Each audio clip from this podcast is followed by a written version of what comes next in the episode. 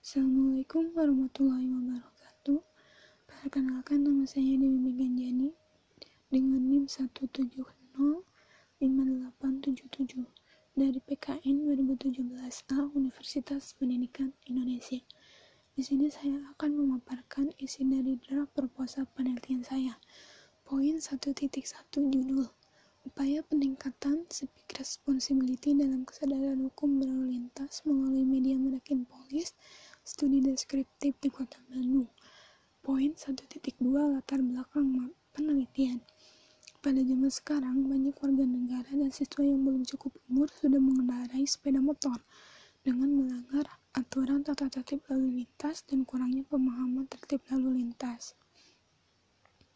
Contohnya mengendarai kendaraan bermotor tanpa surat izin mengemudi, berboncengan tidak menggunakan helm, dan lain sebagainya. Adapun data yang diperoleh dari Dinas Perhubungan di Subkota Bandung tentang jenis pelanggaran yang paling sering terjadi periode 22 sampai 28 Juni 2019 dapat diamati bahwa pelanggaran yang sering terjadi di Kota Bandung adalah berhenti melebihi stop line, kemudian berhenti di zebra cross, pelanggaran terhadap rambu lalu lintas, tidak memakai helm bagi pengendara sepeda motor, melanggar alat pemberi isyarat lalu lintas atau APILL, kelebihan penumpang dan merokok, kemudian jumlah pengendara roda 4 atau lebih mencapai 22 pengendara dan pelanggar roda 2 berjumlah 221 pengendara dengan pengendara lainnya satu. Semua ini menunjukkan bahwa kesadaran hukum berlalu lintas masih kurang ditunjukkan dengan masih banyaknya pelanggaran yang terjadi.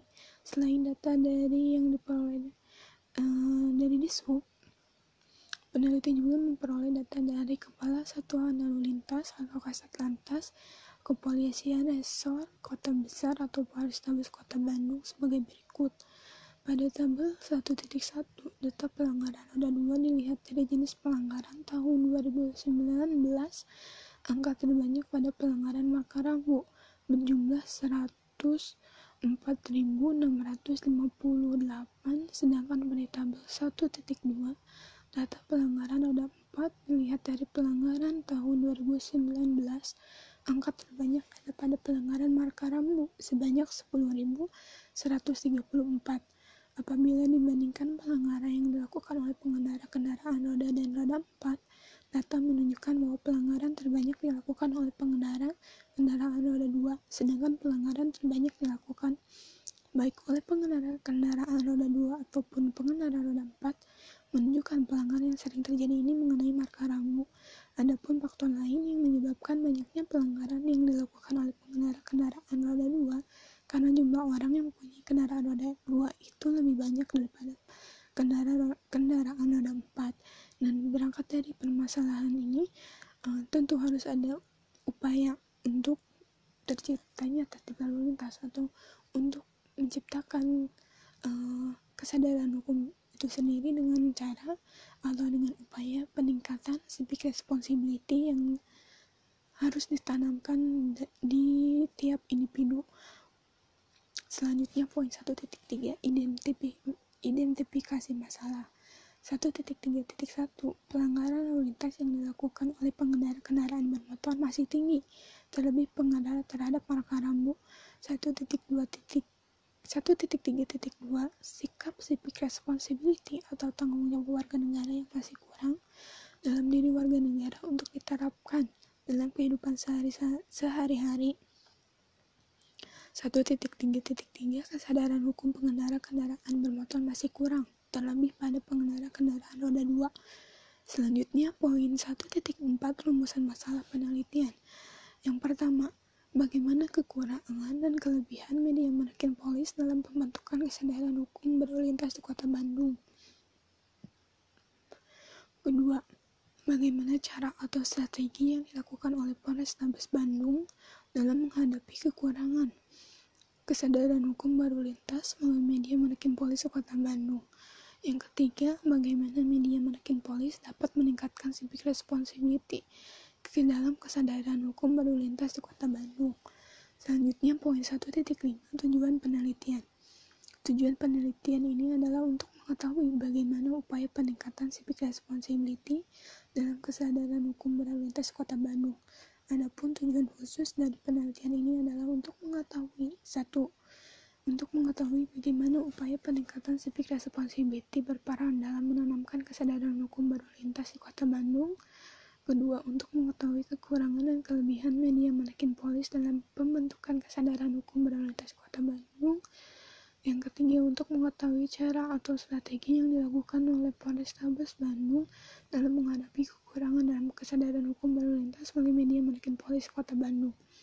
Selanjutnya poin 1.6 manfaat penelitian. Penelitian ini disusun dengan harapan memiliki manfaat secara teoritis dan secara praktis yakni 1.6.1 secara teoritis. Secara teoritis, penelitian ini diharapkan mampu memberikan sumbangan teoritis berupa konsep-konsep baru dalam menanamkan kesadaran hukum berlalu lintas melalui media manekin polisi kota Bandung 1.6.2 secara praktis. Yang pertama, diharapkan dapat dijadikannya sebagai bahan masukan bagi penegak hukum, terutama kepolisian, dalam meningkatkan kepatuhan hukum dalam berlalu lintas, keselamatan berlalu lintas, dan angkutan jalan. Yang kedua, memberikan pengetahuan dan manfaat kepada masyarakat umum untuk lebih memahami dan menaati aturan dalam berlalu lintas, serta meningkatkan civic responsibility atau tanggung jawab warga negara dalam dalam kehidupan sehari-hari. Selanjutnya poin 1.7 penjelasan istilah 1.7.1 Civic Responsibility Menurut Cahyono dan Karim 2015 halaman 93 menjelaskan bahwa civic responsibility atau tanggung jawab warga negara merupakan salah satu bentuk karakter atau watak warga negara civic disposition. Tanggung jawab warga negara harus dimiliki oleh setiap pribadi warga negara. Untuk mewujudkan hal tersebut, maka karakter atau watak warga negara harus dilatih dan ditanamkan sejak dini kepada masyarakat. Poin 1.7.2 Kesadaran hukum Kesadaran hukum dengan hukum itu mempunyai kaitan yang sangat erat. Menurut Aco Agus dan Umar 2016 halaman 57 mengatakan, kesadaran hukum merupakan cara pandang masyarakat terhadap hukum itu, apa yang seharusnya dilakukan dan tidak dilakukan terhadap hukum, serta penghormatan terhadap hak-hak orang lain atau tenggang rasa. Ini berarti bahwa dalam kesadaran hukum mengandung sikap toleransi. 1.7.3 Lalu lintas Menurut Pasal 1 Undang-Undang Nomor 22 Tahun 2019 lalu 2009 Lalu lintas didefinisikan sebagai gerak kendaraan dan orang di ruang lalu lintas adalah prasarana yang diperuntukkan bagi gerak pindah kendaraan, orang dan atau barang yang berupa jalan dengan fasilitas pendukungnya. Selanjutnya poin 1.8 asumsi. Asumsi merupakan anggapan dasar dalam suatu penelitian yang, dilaki, yang diyakini kebenaran kebenarannya oleh peneliti. Sejauh ini di kota Bandung sendiri media manekin polis masih sedikit keberadaannya. Keberadaan manekin polis diharapkan dapat mengurangi pelanggaran yang dilakukan oleh pengendara. Terlebih ke keberadaan manekin polis ini berada di, di sekitar pemberhentian APILL. Tujuan dari adanya manekin polis ini untuk menakut-nakuti para pengendara agar tidak melakukan pelanggaran lalu lintas terlebih di malam hari. Selanjutnya poin 1.9 ringkasan tinjauan teoritis 1.9.1 pendidikan kewarganegaraan Pendidikan kewarganegaraan merupakan bidang yang lintas keilmuan atau bidang multidisipliner sebagai bidang yang multidimensional.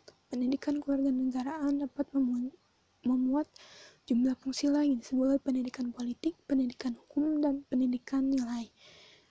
Sejalan dengan itu, pendidikan kewarganegaraan dalam penjelasan pasal 39 ayat 2 Undang-Undang Nomor 20 Tahun 2003 tentang Sistem Pendidikan Nasional berbunyi sebagai berikut. Pendidikan kewarganegaraan merupakan usaha membekali peserta didik dengan pengetahuan dan kemampuan dasar berkenaan dengan hubungan dengan warga negara serta pendidikan pendahuluan bela negara agar menjadi warga negara yang bisa diandalkan oleh bangsa dan negara. 1.9.2 Civic Responsibility Cahyono dan Karim 2015 halaman 93 menjelaskan bahwa civic responsibility atau tanggung jawab warga negara merupakan salah satu bentuk karakter atau watak warga negara. Civic disposition, tanggung jawab warga negara harus dimiliki oleh setiap pribadi warga negara. Untuk mewujudkan tersebut, maka karakter atau watak tanggung jawab warga negara ini harus dilatih dan ditanamkan sejak dini. Poin 1.9.3 Kesadaran hukum Kesadaran hukum dengan hukum itu mempunyai kaitan yang erat sekali.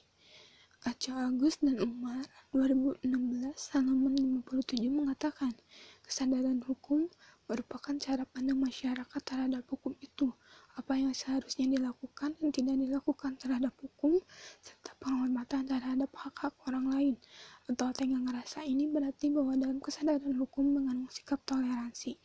Selain itu, Mariani 2019 halaman 284 menyatakan ada beberapa faktor yang mempengaruhi kesadaran hukum, yaitu sebagai berikut. Pertama, pengetahuan tentang kesadaran hukum.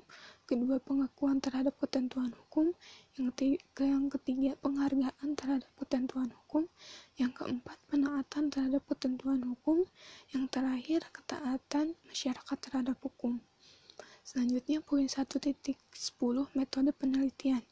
1.10.1 desain penelitian. Dalam sebuah penelitian yang dilakukan uh, tentunya memerlukan metode desain serta perangkat operasional yang merupakan turunan guna melancarkan berlangsungnya penelitian tersebut. Menurut Creswell 2019 2009 halaman 3 menyatakan bahwa research designs are planned the procedure for research that span the decision from broad assumption to detailed method of data collection and analysis. This plan involves several decisions. Desain penelitian adalah rencana prosedur penelitian yang mencakup keputusan mulai dari asumsi, luar hingga metode terperinci dalam pengumpulan dan analisis data. Rencana ini melibatkan beberapa keputusan. Adapun desain penelitian yang akan digunakan untuk mendukung penelitian ini yaitu action research. Action research merupakan suatu desain penelitian di mana peneliti langsung berfokus pada tindakan sosial. Selanjutnya poin 1.10.1.1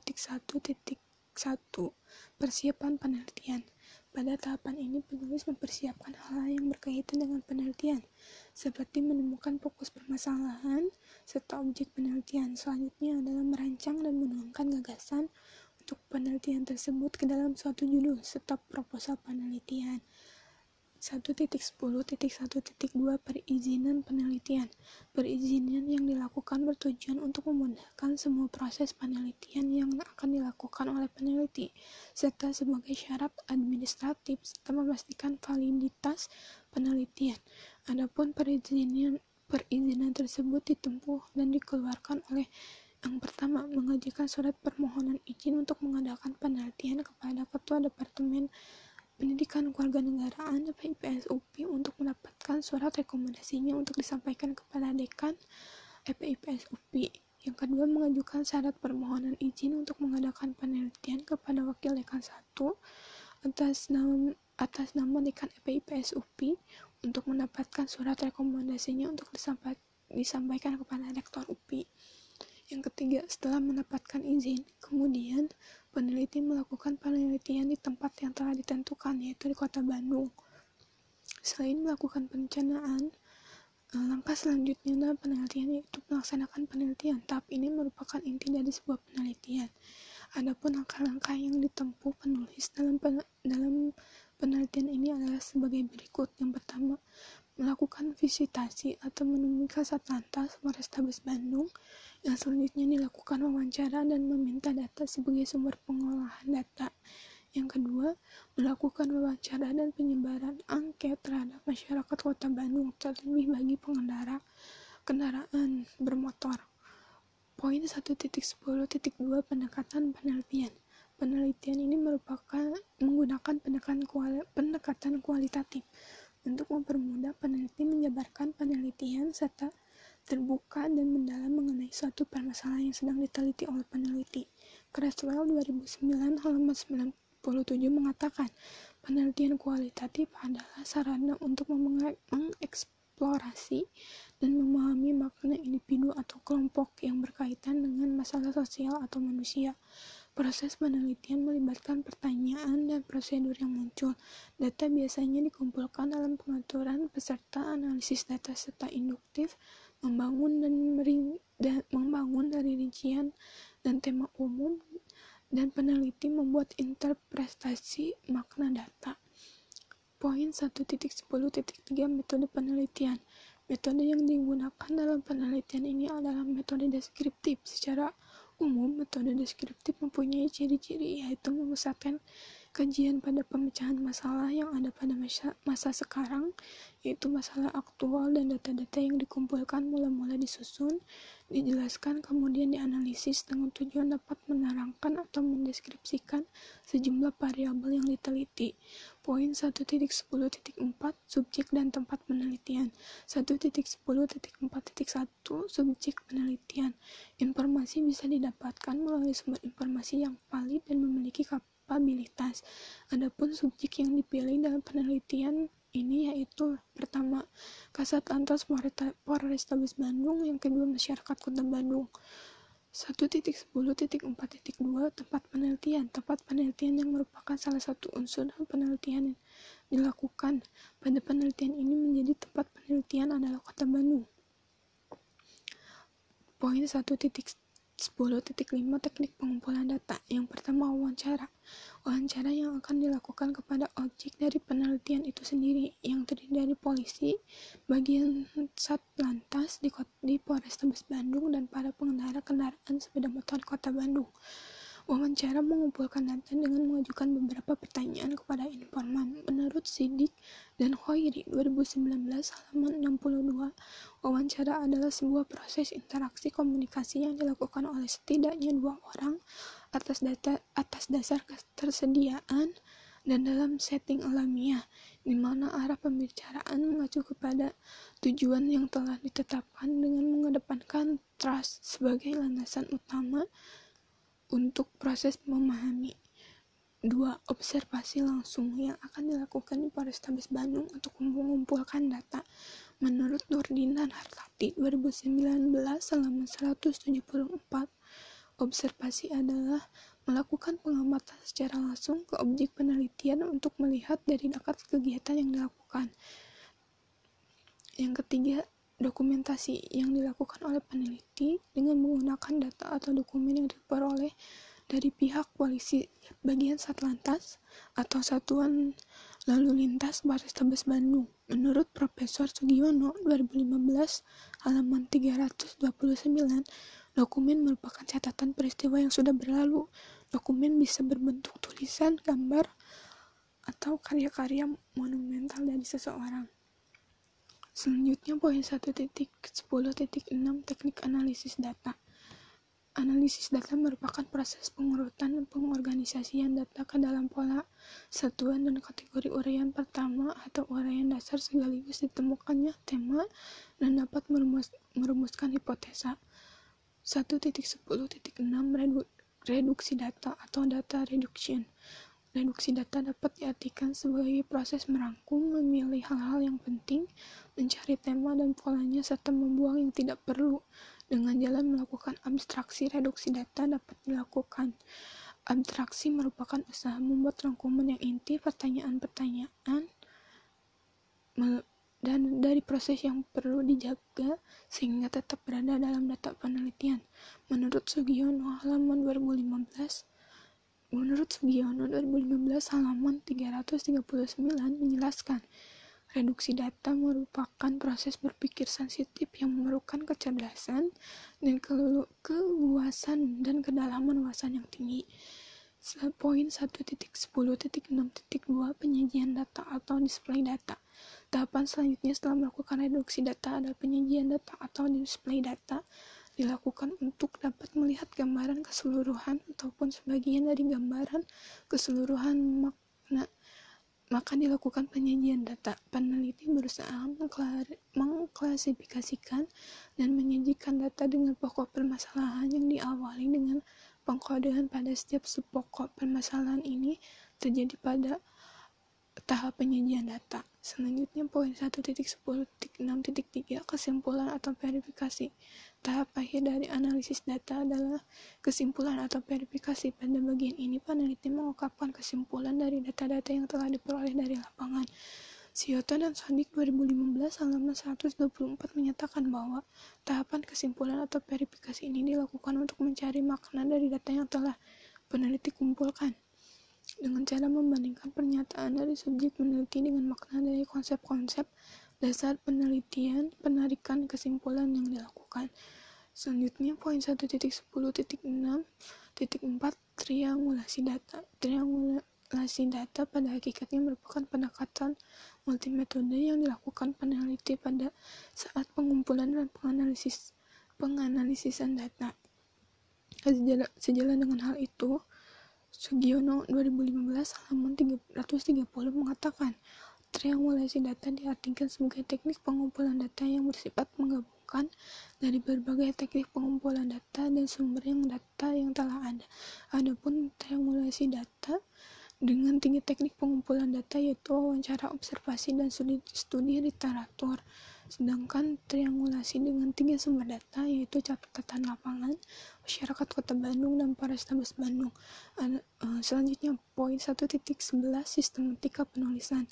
Dalam menyusun penelitian dan sistematis sesuai dengan peraturan Rektor Universitas Pendidikan Indonesia nomor 30, 3260 garis miring UN 40 garis miring HK garis miring 2018 tentang pedoman penulisan karya ilmiah UPI tahun akademik 2018, maka penulis menyusun ke dalam struktur organisasi skripsi. Dalam penyusunan skripsi ini meliputi judul, pengesahan, ucapan terima kasih, abstrak, daftar isi, daftar tabel, daftar gambar, dan daftar lampiran.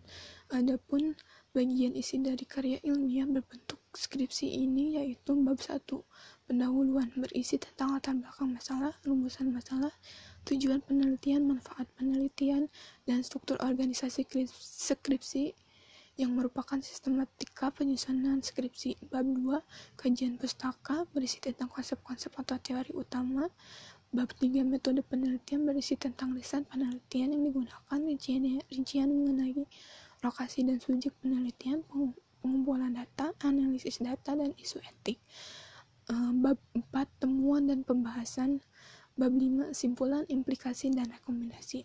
Poin 1.12 Jadwal pelaksanaan penelitian. Pertama, mengumpulkan literatur yang berhubungan dengan penelitian. Di bulan Januari, mengajukan judul proposal penelitian. Di bulan Februari. Yang ketiga, melakukan studi terdahulu berupa observasi awal untuk mendapatkan data pelanggaran lalu lintas dari Polrestabes. Itu bulan Februari dan Maret uh, yang keempat menyusun proposal penelitian yang dimulai dari bulan Februari sampai Mei dan terakhir ujian proposal penelitian di bulan Mei. Uh, sekian pemaparan dari saya. Mohon maaf bila ada kesalahan. Wassalamualaikum warahmatullahi wabarakatuh.